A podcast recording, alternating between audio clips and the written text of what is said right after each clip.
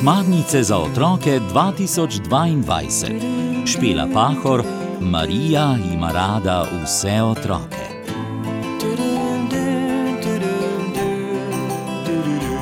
Bere nam jih Juri Sešer.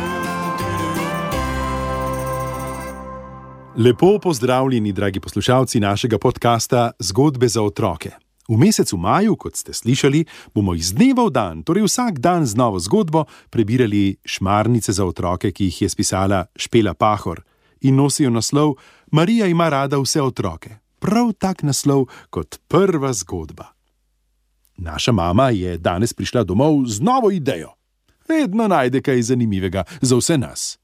Sedeli smo za mizo in se pogovarjali o tem, kaj smo doživeli čez dan. Oče je bil utrujen, saj ima naporno službo, zdravnik je in vidi marsikaj. Trpljenje bolnikov in njihovih družin ga prizadene.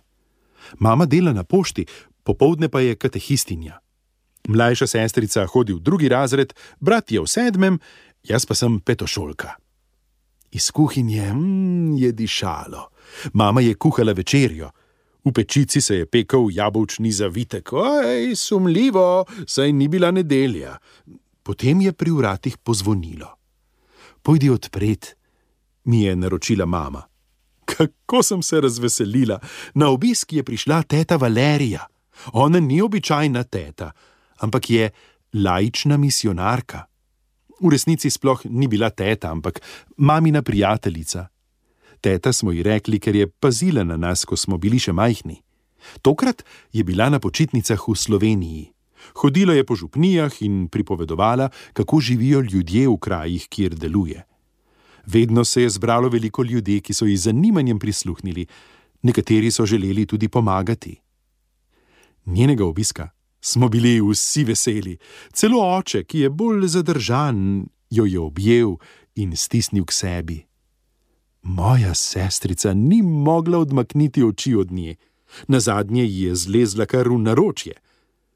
Mami sem pomagala pripraviti mizo, preden smo začeli jesti, smo se pokrižali in zmolili. Oče je blagoslovil jedi, mama se je spomnila na vse lačne otroke, teta je pokimala. Nekaj časa se je slišalo samo žlice, s katerimi smo iz krožnikov zajemali juho.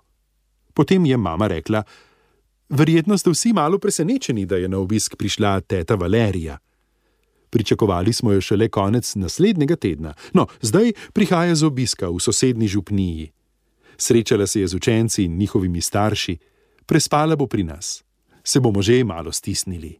Hurra! je zaklicala moja sestrica. Kjer je prostor za enega, je prostor tudi za dva, sem se spomnila pravljice o rokavički. Ko sem poslušala Valerijo, ki je otrokom pripovedovala o življenju v misijonih, sem se nečesa domislila, je rekla mama. Teta pomaga sestram, ki vodijo vrtce, šole, bolnišnice in domove za osirotele otroke. Tam ljudje živijo zelo skromno. Otroci iz sirotišnic pa ne potrebujejo samo materialne pomoči, temveč tudi veliko ljubezni. In prav tako radovedni so kot vi tukaj. Zanima jih, kako živimo, kaj imamo radi, kaj nas veseli. Kaj, če bi tem otrokom napisali pisma? Hm? Povejmo jim, da molimo za nje. Napišimo jim kaj o našem življenju, vprašajmo jih, kaj si želijo, kakšne so njihove sanje. Teta bo vsa ta pisma zbrala in jih odnesla s seboj. Hurra! je vzkliknila sestrica. To, da naj nam tudi oni kaj napišejo. Zelo sem radovedna, kakšni so in kako živijo. A lahko tudi kaj narišem?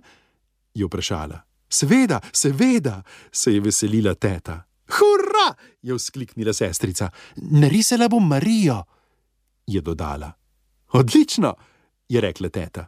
Vi si niti predstavljati ne morete, kako imajo ti otroci radi Marijo. Vsak večer se zberejo pri kapeli, molijo in pojejo. O, ja, zelo zaupajo v njeno varstvo in pomoč. Po večerji smo zmolili in potem še dolgo poslušali tetine pripovedi iz daljnih krajev. Joj, kako rada bi se ji pridružila, ko bom velika, sem rekla mami, ko me je pokrižala za lahko noč.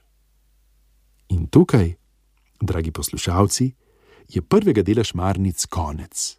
Le še vabilo, naloga, da doma pripravite Marijin oltarček in ga okrasite. Jutri pa prihaja zgodba o tem, da je Marija vedno z nami. Vabljeni k poslušanju, bodite z nami vsak dan v mesecu maju.